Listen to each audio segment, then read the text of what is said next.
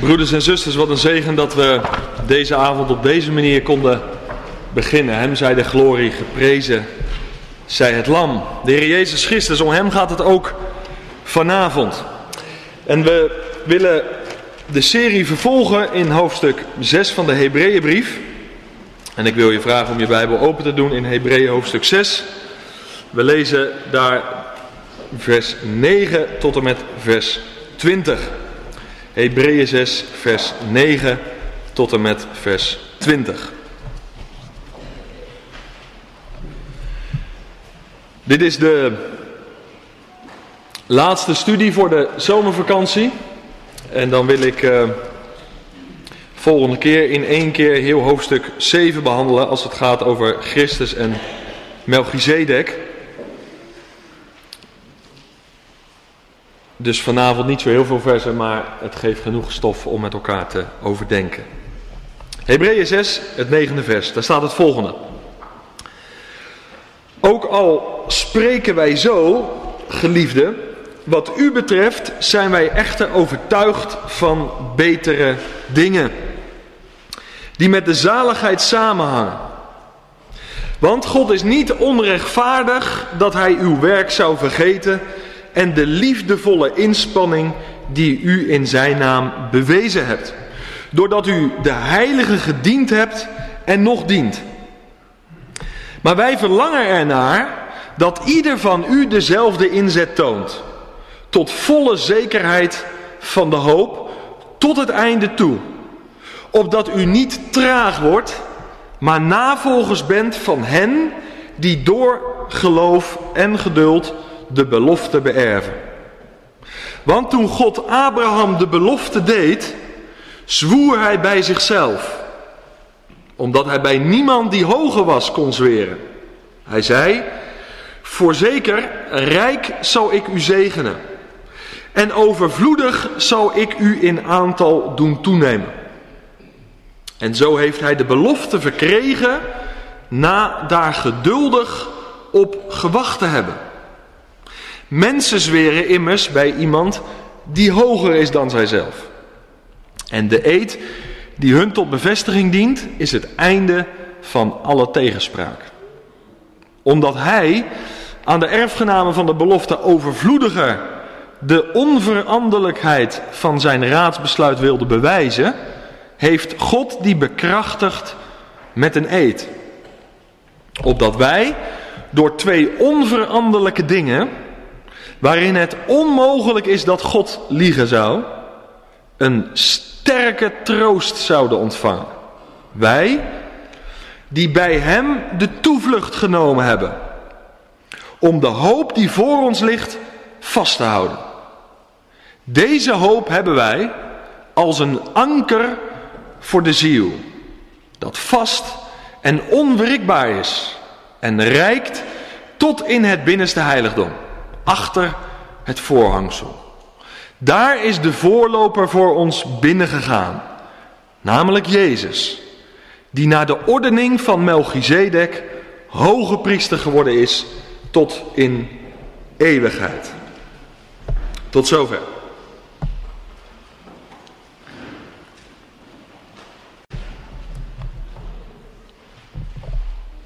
Nadat de Hebreeën schrijver in hoofdstuk 6 vers 4 tot en met vers 8 heeft gewaarschuwd tegen afvalligheid,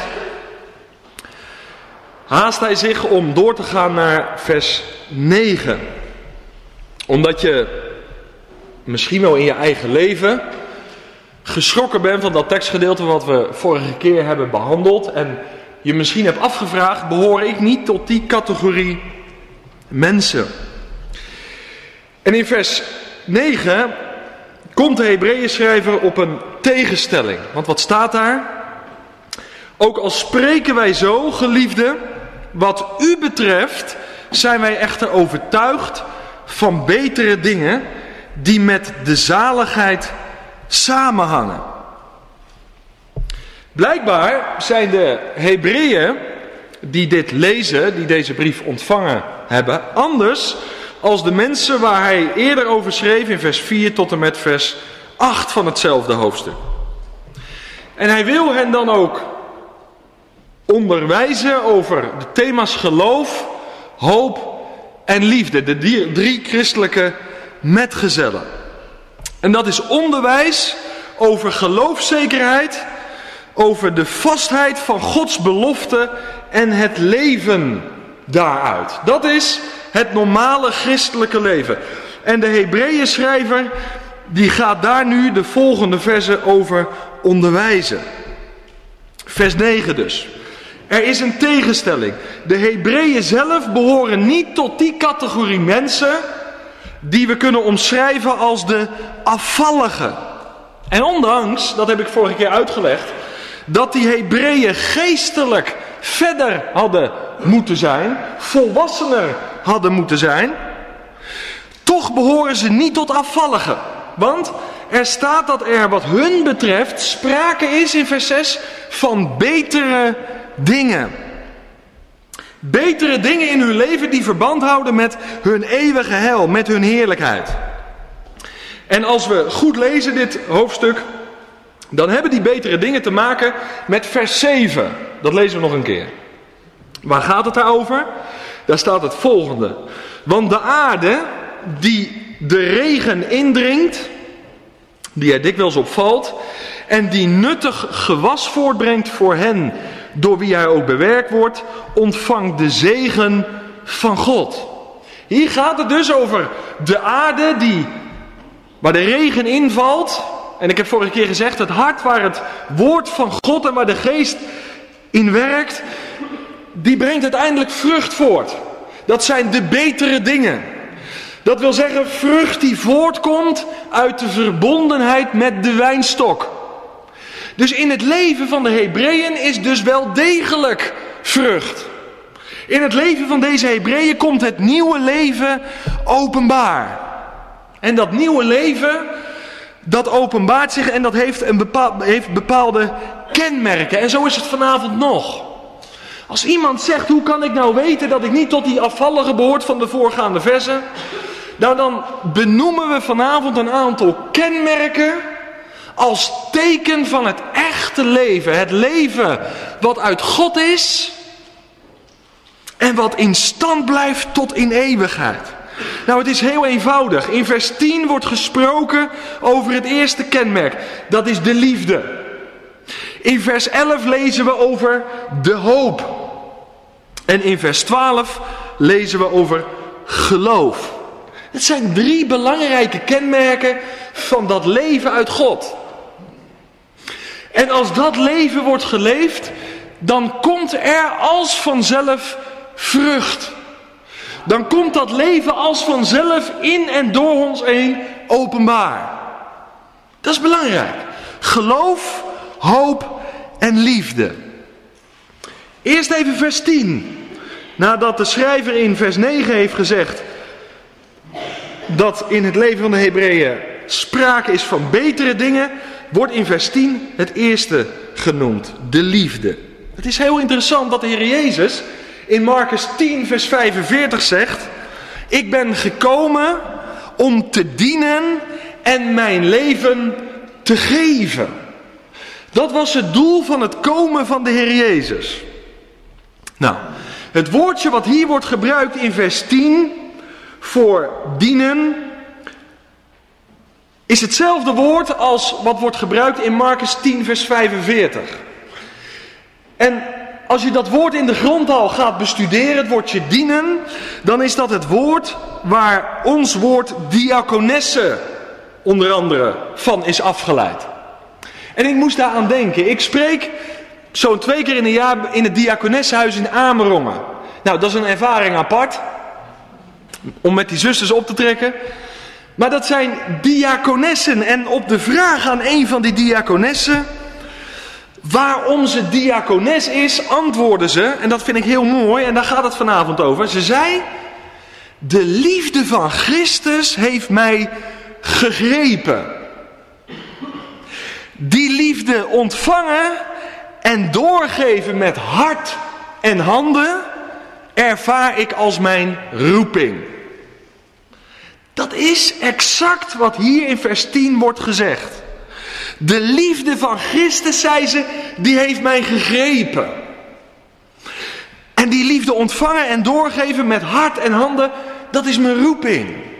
En als één iets in het leven van die Hebreeën openbaar kwam, dan was het de liefde. Geloof moet handen en voeten krijgen.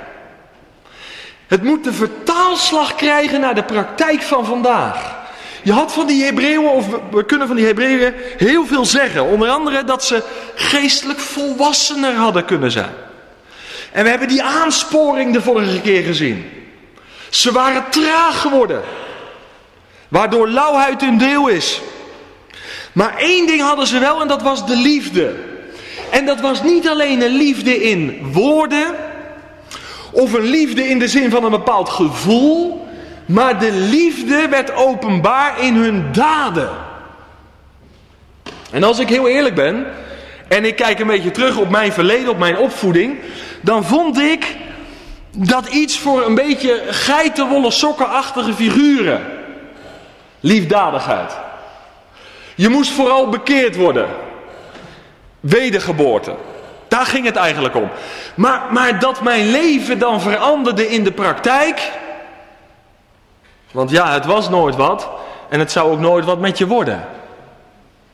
Nee, broeders en zusters, wat we hier zien, en dat kunnen we van deze mensen leren, is dat wat ze van de Heer ontvangen hadden, de echte liefde die uit God is, die kreeg ook een vertaalslag naar de praktijk van hun leven. En dat is dus inherent aan het christen zijn. En ik denk dat dat iets is wat wij moeten leren met elkaar. Om je geloof om te zetten in de praktijk. Want wij kunnen heel veel praten. En we kunnen prachtige beleidenissen hebben. Maar wat merken de mensen in mijn directe omgeving ervan?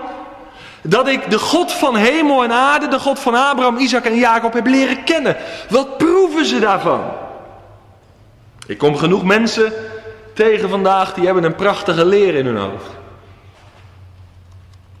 En die kunnen mij precies verklaren hoe het allemaal zit, maar waar ik niet de liefde proef. Nou, die Hebreeën die, die, die hadden op bepaalde terreinen aansporing nodig, daar kom ik zo nog op. Maar één ding hadden ze wel, ze hadden de liefde. En daar gaat het over in vers 10. Want God is niet onrechtvaardig dat hij uw werk zou vergeten en de liefdevolle inspanning of de liefdevolle arbeid die u in zijn naam bewezen hebt, doordat u de heilige gediend hebt en nog dient. De Heer Jezus, hij kwam om zijn leven te geven en om te dienen. En met zijn volgelingen is het niet anders. Maar dit vraagt zelfverloochening. En dat wat ik als een soort geitenwolle sokkenachtige activiteit zag, blijkt dus tot de kern van het christenleven te behoren. Een ander dienen. Je leven geven. Wat uiteindelijk samen te vatten is met het woord zelfverloochening. Dat vraagt het. Liefde uitzicht dus niet alleen in gevoelens, in mooie woorden, maar vooral in de daad. Wil je wat voorbeelden hebben? Blader even naar Hebreeën 10. Dan zal ik het hier laten zien.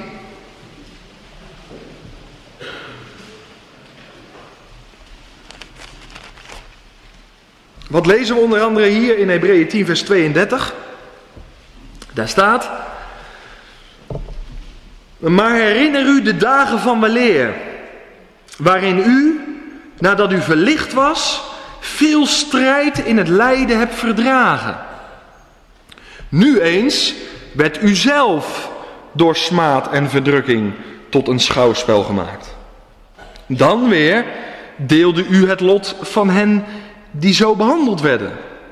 Want u hebt ook medelijden gehad met mij in mijn boeien. En de beroving van uw eigendommen met blijdschap aanvaard.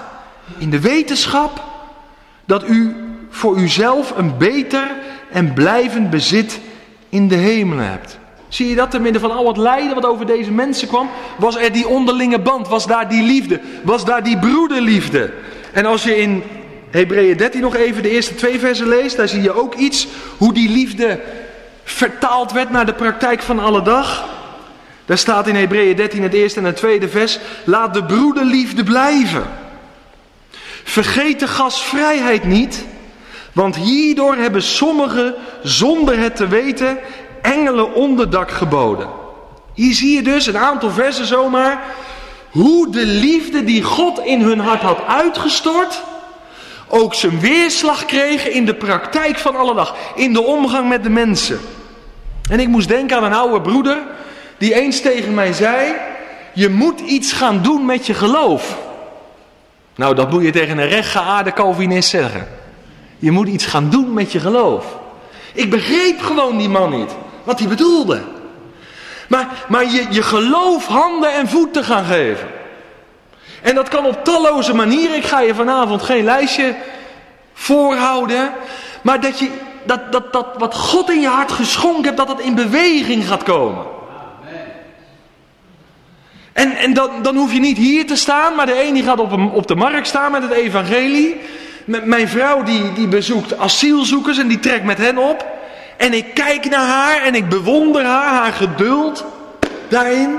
En velen doen iets anders. Maar ik heb wel geleerd dit. Dat op het moment dat je iets gaat doen met het geloof wat God je geschonken heeft. Dat, dat is zo'n zegen als dat gaat functioneren. Als je niet alleen iets aan binnenhalen bent, aan het consumeren. Maar dat je ook iets weggeeft van wat God je ontvangt. En daardoor ga je zegen ontvangen van de Heer. En daarmee, broeders en zusters, en dat is heel belangrijk vandaag, zijn wij de handen van de Heer Jezus. Zijn wij vandaag de handen en de voeten van Hem. Dat is heel belangrijk. En ik moet eerlijk beleiden tegenover jullie, ik heb dat altijd een beetje aan de kant geschoven.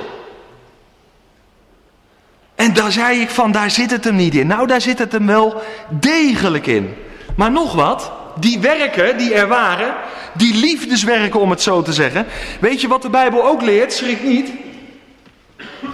Dat onze goede werken op een gegeven moment ook beloond gaan worden. Vers 10 zegt dat God ze niet vergeet. Alles op deze aarde, hoe schoon ook, het zal eenmaal vergaan. Maar wat gedaan werd, zegt een oud lied, uit liefde tot Jezus, dat houdt zijn waarde en zal blijven bestaan. Het eeuwige leven op zichzelf is een genadeschenk, genadegeschenk van God. Terwijl het loon verband houdt, luister goed, met de keuzen die we als gelovigen tijdens ons leven hier op aarde gemaakt hebben. Wij krijgen loon. En dat loon verschilt per christen, dat kan ik u alvast zeggen vanavond. En onderzoek de Bijbel daarop. Door genade komt u in de heerlijkheid van God. Maar loon is afhankelijk van de keuzen die u, die jij hier op aarde gemaakt hebt. En daarbij is dit woord een kernwoord, dat is trouwheid. Was er trouwheid in uw leven, in de toewijding aan de Heer? Openbaring 22, het laatste Bijbelboek, zegt in het twaalfde vers: Ik kom spoedig. En heb het loon bij me om iedereen te belonen naar zijn daden. Dus het doet er wel degelijk toe of de liefde die God in ons hart heeft uitgestort, ook zijn weerslag krijgt in de praktijk van ons leven. Een geloof zonder werken, zegt Jacobus, is dood. Het geloof is door de liefde werkende. Maar er komt een nieuw leven in en door ons heen openbaar. En op grond van Lucas 19, dat mag u allemaal thuis zelf gaan uitzoeken, geloof ik dat loon wordt uitgekeerd ten tijde van het Messiaans vrederijk. Dan zullen wij beloond gaan worden. Maar Hebreeën 6, vers 11 en 12, daar gaan we nu naartoe. Die leert ons dat het inzetten, dat je inspannen voor dienstbetoon en broederliefde niet voldoende is. Het is een geweldige zegen, dat getuigenis in vers 10 over de Hebreeën. Maar vers 11 en 12 leren ons dat dat niet voldoende is. En luister goed, om te volharden, te volharden in de geestelijke wedloop, moeten we ons ook inspannen om de hoop vast te houden. Herken je dat in je leven? Ze hadden zich ingezet om de liefde zichtbaar te maken. Die Hebreeën hadden zich ingespannen om de handen en voeten van de Heer Jezus te zijn. Maar om, om te volharden, broeders en zusters, in de wedloop vandaag, waar u, jij en ik in staan, is het belangrijk dat we ons ook beijveren, inzetten om de hoop vast te houden. En ik heb het eerder gezegd, het woordje hoop in de Hebreeënbrief heeft alles te maken met de wederkomst van de Messias en de oprichting van zijn vrederijk. Dat geweldige vooruitzicht, dat geweldige perspectief, die hoop en die verwachting van het herstel van alle dingen, handelingen 3, die hoop, die wordt van alle kanten aangevochten en bestreden. Herken je dat? Van alle kanten. Van buiten de kerk en van binnenuit. Die hoop wordt bestreden en aangevochten. Bladen nog even terug naar Hebreeën 2. Ik wil dat toch nog een keer lezen. Die twee kernzinnen. Wat, wat met aanvechting te maken heeft. Wat staat er in Hebreeën 2? Ik heb dat eerder aangehaald, maar ik herhaal dat. Vers 8b. Nu zien wij echter nog niet dat hem alle dingen onderworpen zijn. Dat is een stuk strijd in je hart. Doordat we nu met ons natuurlijke oog nog niet zien dat hem alle dingen onderworpen zijn, kan die hoop in ons hart gebeukt worden en gedeukt. Die wordt bestreden. Die wordt aangevochten. Vers 9a zegt gelukkig, maar wij zien Jezus met eer en heerlijkheid gekroond. Het oog van het geloof ziet een geestelijke werkelijkheid waarin Jezus de allerhoogste positie heeft ingenomen. En dat is de werkelijkheid waar jij en ik uit mogen leven. Vandaag, in het hier en nu. Terwijl die hoop soms bestreden wordt. En aangevallen wordt. En aangevochten wordt. Is dat waarbij ik leef. Dat is de realiteit. Waarvan uit ik mag leven. En waarvan uit ik de hoop in mijn hart mag koesteren. En vast mag houden. En, en, en die geestelijke werkelijkheid, Jezus op de allerhoogste positie, is ook steeds weer wat mijn hoop verlevendigt. Herken je dat? Ik leef niet bij wat zichtbaar is, maar ik leef bij een onzichtbare werkelijkheid, althans onzichtbaar voor mijn natuurlijk oog, maar daardoor niet minder waar. De hoop, broeders en zusters, op het herstel van alle dingen, dat geweldige vooruitzicht, dat het gaat goed, goed gaat komen met, met, met de schepping, maar ook met Israël. Met Gods plan wat betreft deze wereld. Die hoop wordt aangevochten. En de Hebreeën schrijver zegt in vers 11. Maar wij verlangen ernaar dat ieder van u dezelfde inzet toont. Welke inzet was dat? Om die door God geschonken liefde zichtbaar te maken in de praktijk. Daar zetten ze zich voor in. De Hebreeën schrijver zegt, nu moet je je met diezelfde inzet, je met diezelfde ijver bezighouden om ook die hoop vast te houden. Mooi is dat, hè? Dus je mag die liefde van God uitleven. Maar, maar mag ik het eens zo zeggen, in het strijdperk van dit leven, als iedereen misschien tegen je zegt, die hoop van jou dat is lucht, dat je zegt, nee, die hoop ik, ik zet me ervoor in om die hoop te verlevendigen, om die hoop te koesteren in mijn hart. En ik leef uit die hoop elke dag. En ik hou die hoop elke dag mij voor ogen. Dat. En zo moeten we met de Bijbel omgaan. En daartoe spoort de Hebreeën schrijver aan. En dat vind ik zo geweldig in vers 11. Maar wij verlangen ernaar dat, van, dat een ieder van u dezelfde inzet toont tot volle zekerheid van de hoop tot het einde toe. De hoop in ons hart, broeders en zusters, die hoeft niet geroofd te worden. Want die hemelse werkelijkheid, Christus met eer en eerlijkheid gekroond, die gaat neerdalen naar deze aarde. En dan wordt die hemelse werkelijkheid een werkelijkheid hier op aarde. Jezus Christus, het middelpunt van heel deze wereld. Hij koning der koningen en heren der heren. En die hoop moet al ons leed verzachten. Dat is het. En ik begrijp die Hebreeën schrijver. Want ook die hoop wordt in mijn leven aangevochten. En nou komt het diepe. Dat ik in 2015, op 8 juli, gegronde hoop heb, heeft niets te maken met het feit dat ik zo'n hoopvol mens ben. Of dat ik zo goed kan hopen. Dat, integendeel. Maar het feit dat ik hoop heb vandaag, heeft alles te maken met de belofte van God. En daar gaat het om in dit stukje. Die in Christus Jezus ja en amen zijn. Volstrekt zeker. En broeders en zusters, ik hoop dat je dat mee naar huis neemt. Want daar gaat het over. Geloof, hoop en liefde. Dat zijn de drie christelijke metgezellen. Waardoor wij het volhouden tot de komst van Christus. Of tot de dag van ons sterven. En daar moeten wij ons op richten. Daar moeten wij ons mee voeden. En we moeten ons beijveren. Dat wil zeggen inspannen, je eigen inzetten. Zodat die hoop ook mijn hart hoe langer hoe meer gaat vullen. Dwars tegen alle hopeloze gevoelens in. Amen. Daar gaat het om. Je ziel aanspreken. Mijn hopeloze ziel, hoop op God. Want ik zal hem nog loven. Hij is de grote overwinnaar. Dat hebben we nodig vandaag. Dat is niet zomaar iemand een beetje hoopvolle gedachten inpraten. Nee, ik geef je vanavond gegronde hoop.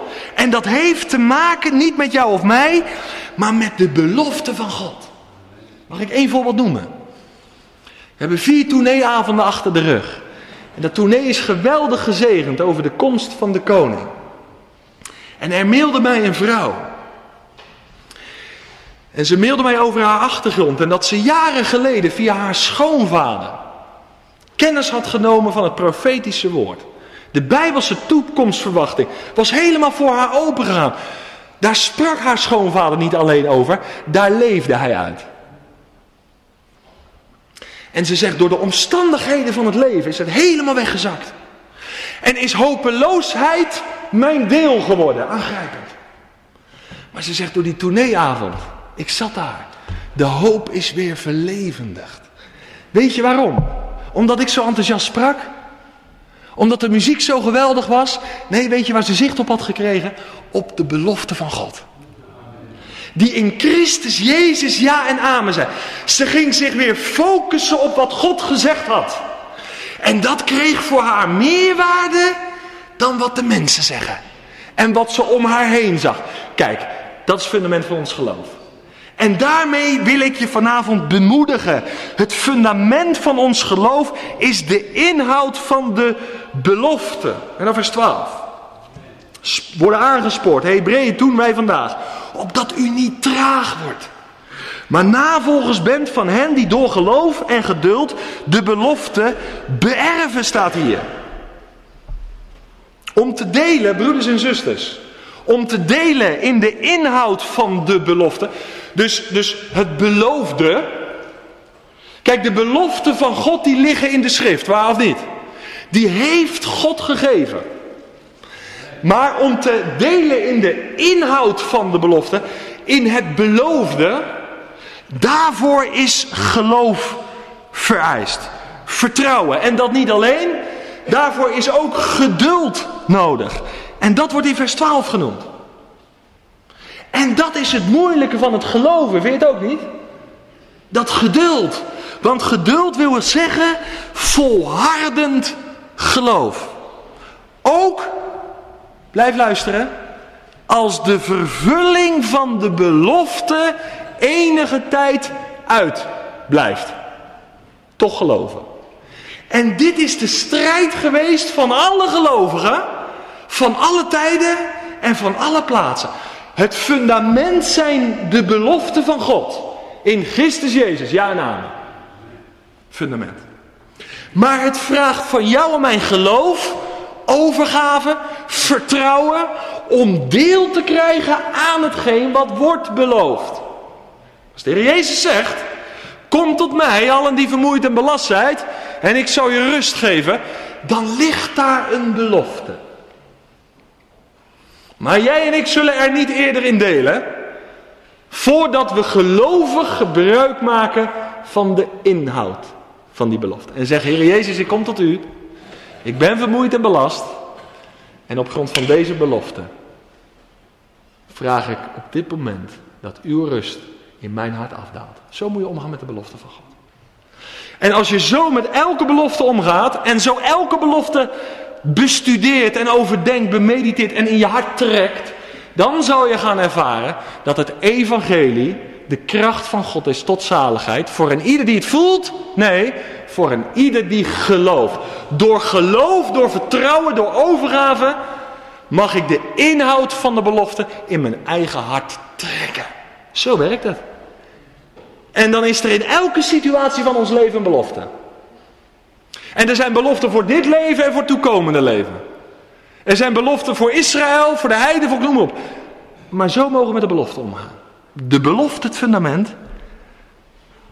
En het geloof, daardoor deel ik in de inhoud van de belofte. Maar geduld wil dus zeggen volhardend geloof.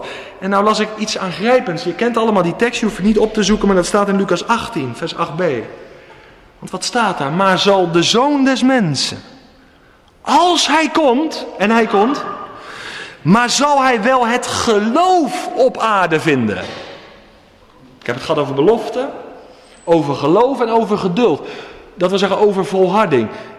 Lucas 18, vers 8 zegt, maar zal hij wel het geloof op aarde vinden? De zoon des mensen. Daar gaat het niet over het zaligmakend geloof. Lees dat stukje maar in zijn verband. Daar gaat het om het geloof dat volhardt. Dat geloof. En nou is voor mij heel de puzzel rond. Ik begrijp dat de Hebreeën schrijver zegt. Het is geweldig dat de liefde van God, die in jullie hart is uitgestort, weerslag krijgt op de praktijk. Maar ik zet je er ook toe aan, ik spoor je aan om de hoop in je hart te verlevendigen, om die vast te houden. Ik spoor je ook aan om gebruik te maken van de belofte.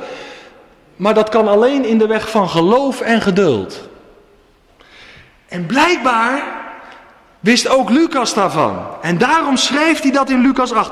Dat juist die volharding in geloof, als je om je heen niks ziet veranderen, maar je toch besluit om het woord van God te geloven, dat vraagt geduld. En dat geloof, broers en zussen, in ons leven wordt beproefd. En wordt bestreden. Met als doel dat het geloof wegkwijnt. Dat de hoop uit ons hart geroofd wordt. Dat de blijdschap en de vreugde weg is. En daarom richt je op de belofte van God. En vul en voed je daarmee. Dat is zo belangrijk. En ik ga vlug verder, want de Hebreeën schrijver die gaat het nu illustreren. Deze vier versen, vers 9, 10, 11 en 12. Daar heeft hij een fundament neergelegd. Een aantal basisprincipes. Want weet je, het geloof functioneert onder het oude en het nieuwe verbond exact hetzelfde.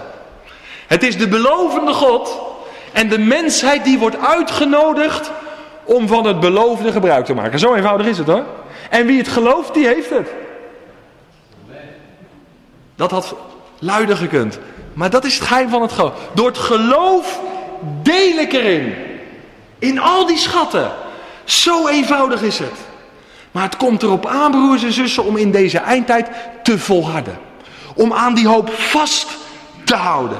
Om die hoop levendig te houden. En nu gaat de Hebreeën schrijver in vers 13 tot en met 20 het leven door geloof in Gods belofte illustreren. En niet met de minste persoon. We kennen hem allemaal.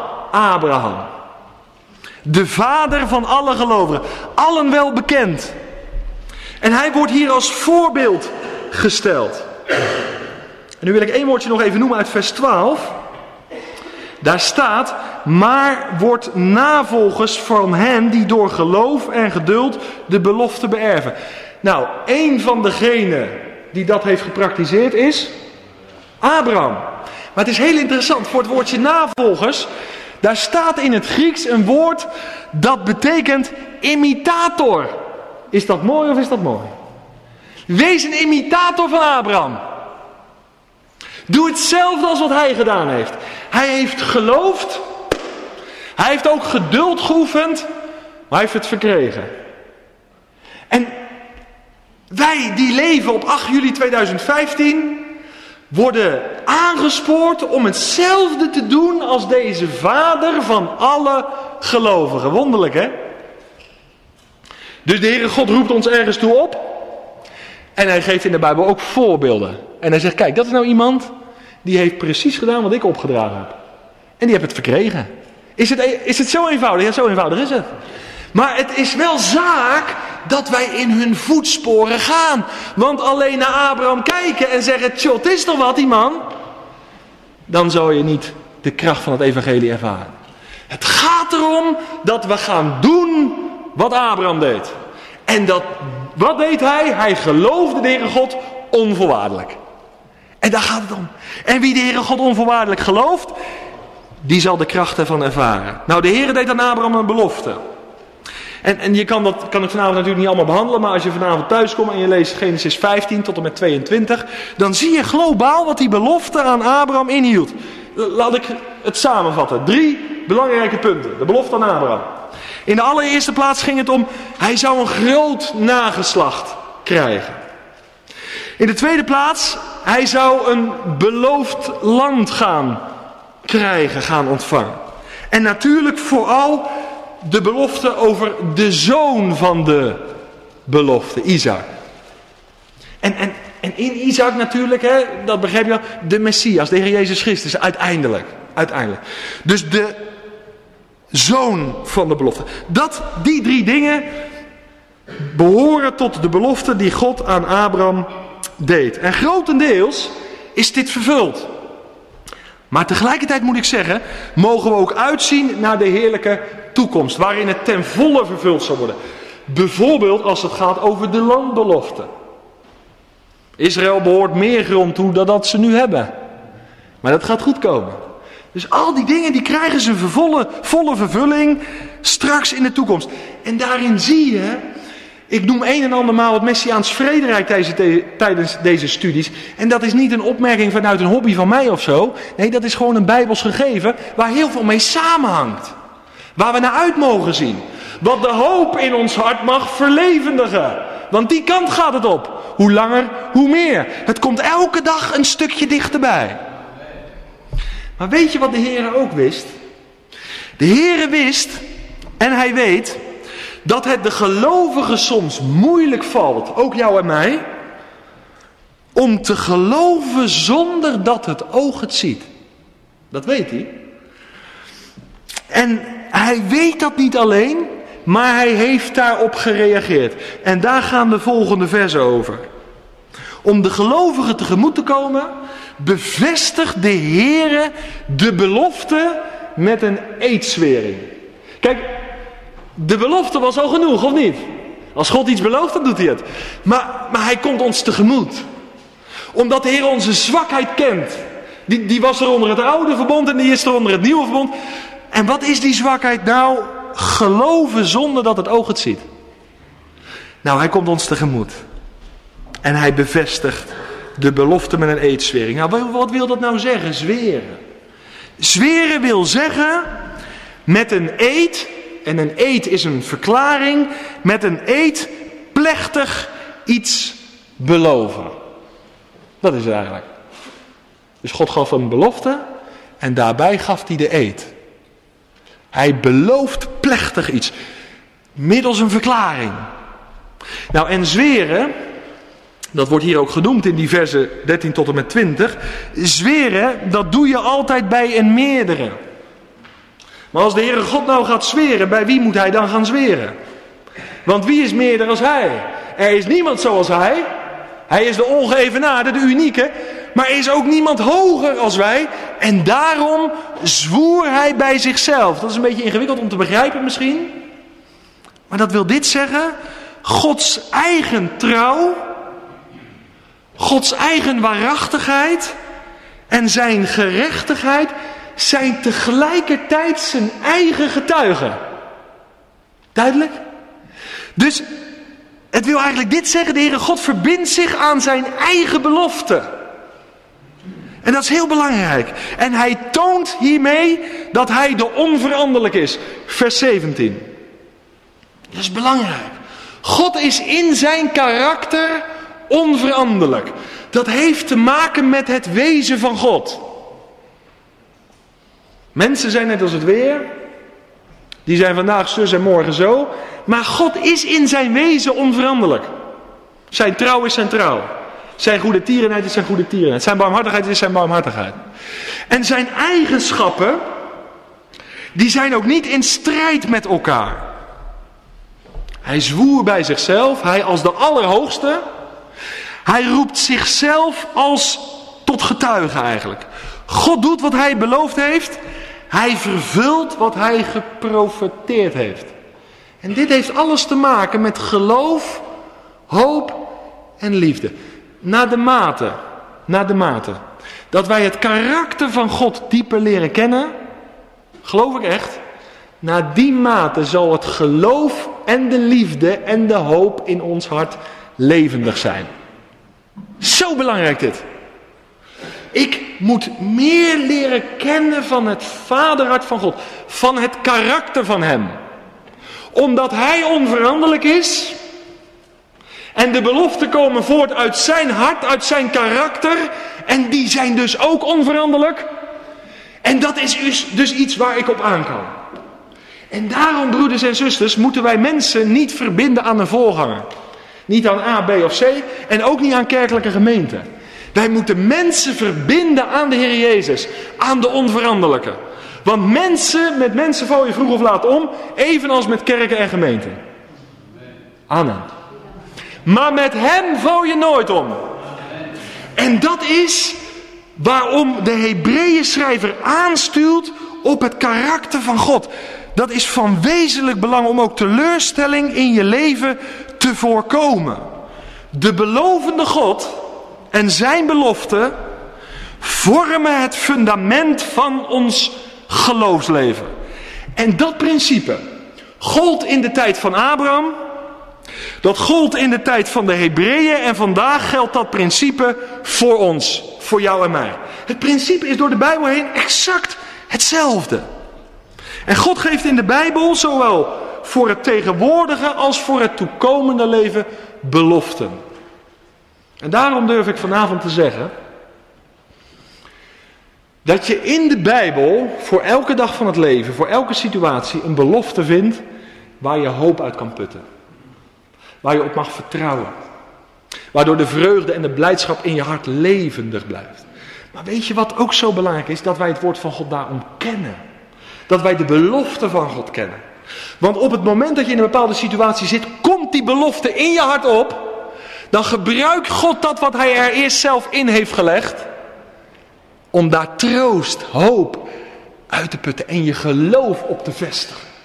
Of dat nou gaat om de toekomst, of dat het gaat om een situatie vandaag. Het principe van geloven en delen in de inhoud van de belofte blijft exact hetzelfde. En dan komt vers 18. Dat is een beetje een lastige tekst. Opdat wij door twee onveranderlijke dingen, waarin het onmogelijk is dat God zou liegen, een sterke troost zouden ontvangen. Wij die bij Hem de toevlucht hebben genomen, om de hoop die voor ons ligt vast te houden. Ik hoop, broeders en zusters, dat je al luisterende eigenlijk die, die dreiging van die versen 4 tot en met 8 een beetje vergeten bent. En zegt nee, ik richt me veel meer op de hoop. En op het geloof en op de liefde. En ik voed me met de belofte van God. En als je dat doet, zou je niet traag worden. Zo simpel is het hoor. En zou je niet lauw worden. En zal het geloof levendig blijven. Als je je vult met de waarheid van het woord van God. De hoop vasthouden. Twee onveranderlijke dingen, vers 18. Wat zijn dat? Nou, dat is wat ik net heb uitgelegd. Dat is aan de ene kant de belofte en aan de andere kant de eed. Die twee onveranderlijke dingen staan er. God belooft iets en hij bevestigt het nog eens. En daarbij komt, en dat is heel belangrijk, dat het onmogelijk is dat God zou liegen. En misschien moet je vanavond je godsbeeld bijstellen. Als u of jij over de Heere God denkt zoals je over mensen denkt, dan kom je niet tot die overgave. Ik kom mensen in het pastoraat tegen die hebben een vaderbeeld wat niet over overeenkomt met het vaderbeeld van de Heere God. En die kunnen die belofte van God maar niet geloven. Omdat ze een verkeerd beeld hebben van hun natuurlijke vader. En ze iets wat beloofd wordt door hun hemelse vader niet kunnen aanvaarden.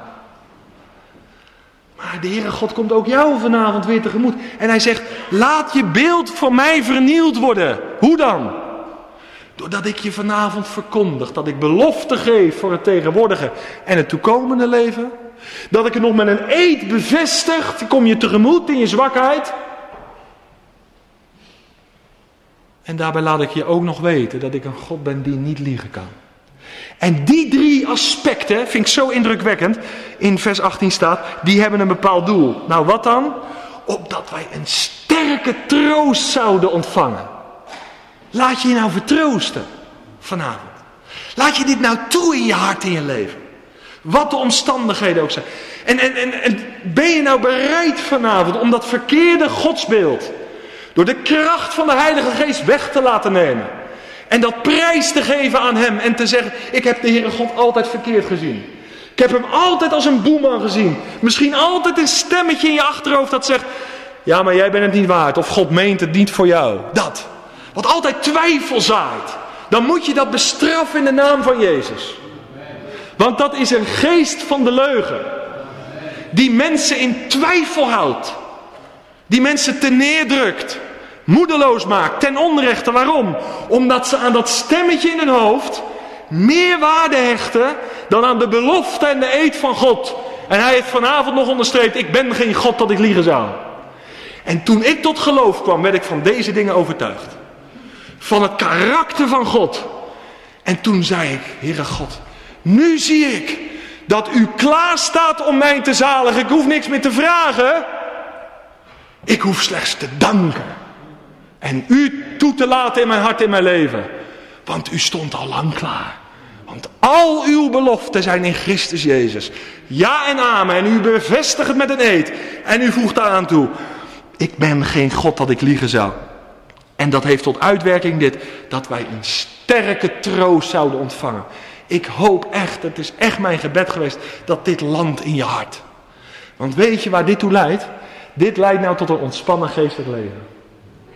En leven met blijdschap en vreugde in je hart. Omdat je God niet meer als een God op afstand ziet, maar een God van nabij. Intimiteit. Hij is de belovende. En door het eenvoudig geloof mag ik beloofde tot me nemen. En deel ik in die rust en deel ik in die vrede. Gaat het me dan allemaal voor de wind? Integendeel. Maar ik laat de hoop in mijn hart, uit mijn hart niet roven. Maar ik voed en vul me met Hem. En met Hem alleen. Want Jezus Christus, Hij is de inhoud van de hoop. Daar gaat het om. En dat is het doel van vanavond. Dat je daarin meegenomen gaat worden. En deze heerlijke waarheden. Over wie God is. En over hoe Hij handelt. Moeten ons krachtig vertroosten. Er staat er een mooi woord in vers 18. Het gaat over toevlucht nemen. Bij wie wij de toevlucht hebben genomen. Als je nummer 35 leest, voor de Bijbelkenners onder ons, die weten dat wel, daar wordt gesproken over de vrijsteden. Je kon vluchten naar een vrije stad. Kan ik allemaal vanavond niet uitleggen. Maar ik kan wel dit zeggen. Troost en bemoediging is er. Voor allen die gevlucht zijn naar de eeuwige vrijstad. En dat is de Heer Jezus Christus zelf.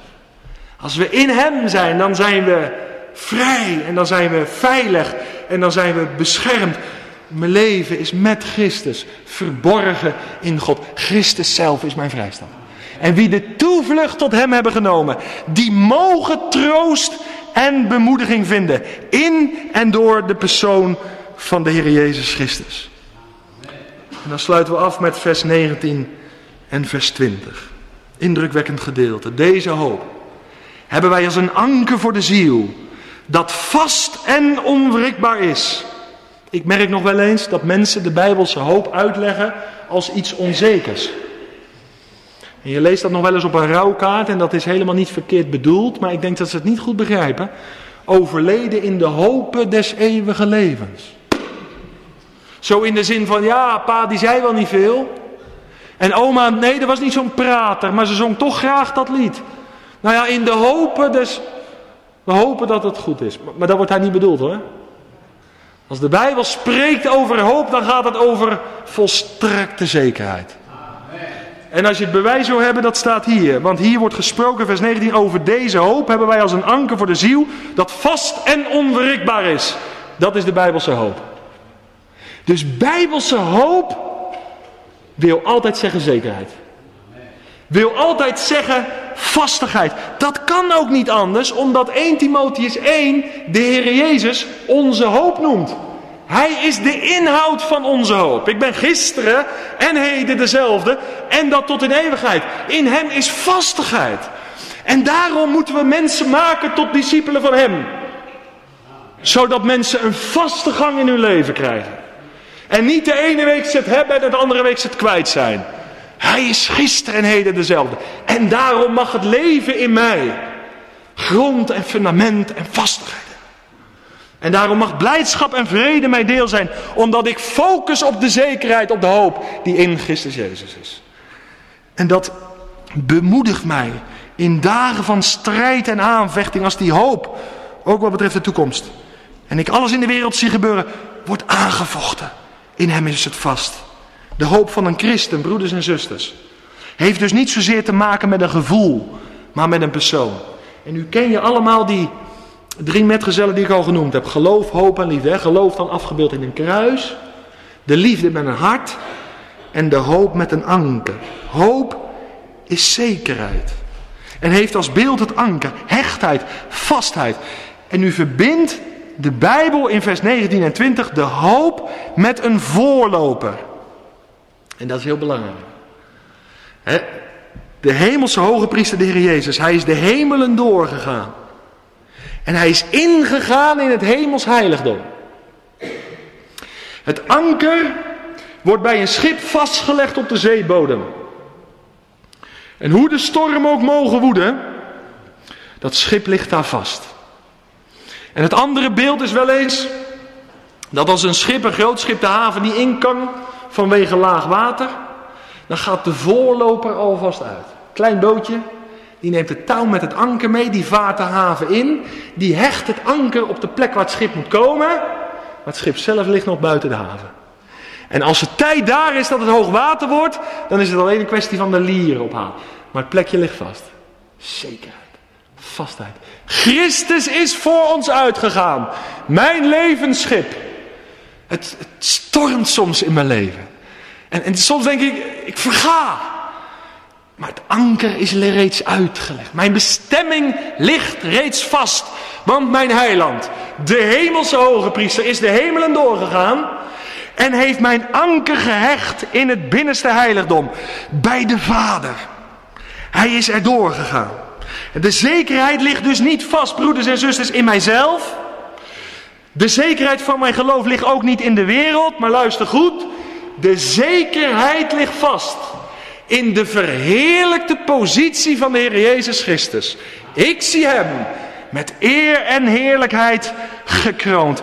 En daar heeft Hij mijn anker, mijn levensanker, vastgehecht. Ik heb de vaste grond gevonden, waarin mijn anker eeuwig hecht. Gaat het om. Het gaat allemaal om de heiland, om de Messias, om de Heer Jezus Christus. De Heer Jezus, Hij is de voorloper. Dat wil twee dingen zeggen. Hij is voor ons uitgegaan in onze plaats. Dus Hij heeft onze nieuwe positie ingewijd. Zodat jij en ik vandaag in rust en vrede, met blijdschap en vreugde in ons hart, kunnen leven vanuit die verheerlijkte positie. En vanuit die positie bidt en pleit Hij voor zijn kinderen. Prijs de Heer. 24 uur per dag, 7 dagen per week, betrokken op zijn kinderen. Ook vandaag. En het tweede, hij is ook voorloper in de betekenis dat hij voor ons is uitgegaan. Met andere woorden, wij mogen volgen. Positie bepaald, vandaar bid en pleit hij voor ons. Hij leert ons om uit die nieuwe positie te leven, maar hij is ook, ons ook voorgegaan. Nou, goed voorbeeld doet goed. Vol. Hij is de voorloper. Hij is de eerste. Dus wij worden gestimuleerd en aangespoord om met vrijmoedigheid de toegang tot God te betreden. En te komen daar waar de hoge priester op grote verzoendag slechts één keer in het jaar mocht komen. Het heilige der heiligen. Jij en ik leven onder een nieuwe verbond. We mogen elke dag komen. Dat heeft te maken met de voorloper. Hij is voor de troepen uitgegaan. Ten behoeve van jou en mij. Prijs de Heer vanavond. Het is goed dat je hier bent. Maar gebruik dat dan ook. Betreed die weg dan ook. Ga tot hem uit met vrijmoedigheid. En maak van je hart geen moordkuil. Deel alles wat erin is. In je hart en in je gedachten. En word helemaal één met zijn vaderhart. En laat jouw hart bij hem bekend zijn. Zodat hij zijn hart aan jou bekend kan maken. Zijn gedachten, mijn gedachten, mijn gedachten, zijn gedachten. Intimiteit met God. Broeders en zusters, dit is nieuwe verbond. Dit is de Hebreeënbrief. Het is heerlijker geworden. Het is volmaakter geworden. Het is beter geworden. Door mezelf. Door één persoon. Vorst Messias, de Heer Jezus Christus, met eer en heerlijkheid gekroond, doet Hij mij delen in al deze heerlijke rijkdommen. Geprezen zij het lam.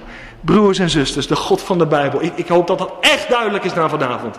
De God van de Bijbel is geen God van twijfel. Dat is een leugen uit de afgrond. De God van de Bijbel is een God van zekerheid en vastheid, van hoop en van verwachting. Voor wie? Voor allen. Die de verschijning van de Heer Jezus Christus hebben liefgekregen. Die voor niets en niemand anders meer leven dan voor Hem alleen. En is je hart daar nou vol van? Is dit geloof nou werkend in je hart? Ik wil je nou vanavond aansporen. En ik hoop dat geen meer nodig is.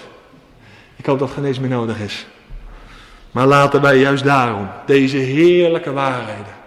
Geloof, hoop en liefde. De belofte van God. Innemen door geloof. Met geduld, volharding. Laten we juist daarom met volharding de wedloop lopen. Die voor ons ligt. Terwijl wij het oog gericht houden op Jezus. De leidsman. En de voleinder van het geloof. Het is een zegen om een christen te zijn. Het is een vreugde om een christen te zijn. En laten we daarom onze pinnen niet vastslaan in deze wereld die voorbij gaat. Want ik heb het gezegd, en daar eindig ik mee, alles. Hoe schoon ook. Het zal eenmaal vergaan. Maar dat wat gedaan werd. Uit liefde tot Jezus. Misschien denk je wel eens, die gedachte gaat door mij ook wel eens heen. Waar doe ik het allemaal voor? Ik reis stad en land af. En soms zit je wel eens naar mensen te kijken, zitten ze te luisteren. En denk je, kom in beweging. En dan denk je, waar doe ik het voor? Ik span me in. Ik strek me uit. En de kerk is zo log geworden. We zijn zo lauw geworden. Maar ik word hier warm van. Mijn hart gaat hierdoor branden. Maar weet je wat mij bemoedigt? De Heere vraagt van mijn getrouwheid om hiermee door te gaan, om dit te prediken. En de dag van beloning gaat wel komen. Ik kan me nu afvragen, waar doe ik het allemaal voor? Maar er komt een dag dat ik uitbetaald ga krijgen. En dat God de werken gaat belonen, die ik misschien in het verborgen heb uitgestreden. Maar hij schrijft ze op. Hij zal ze niet vergeten. En hij zal loon geven naar arbeid, naar daden. Wat een heerlijke God, hè? Genade om straks eeuwig bij hem te zijn. En als extraatje nog loon naar werken. Verblijd je daarin. Verblijd je in deze hoop. Verblijd je in deze Heer. En laat niets en niemand, broeders en zusters, deze hoop uit je hart roven. Geprezen zij de Vader. Geprezen zij de Zoon. Geprezen zij de Heilige Geest. Drie ene God. U zij alle eer. Amen. Het is goed om je uit te spreken naar de Heer voor dat wat Hij vanavond gegeven heeft. En het zou fijn zijn als jullie verschillende vrijmoedigheid nemen. Want de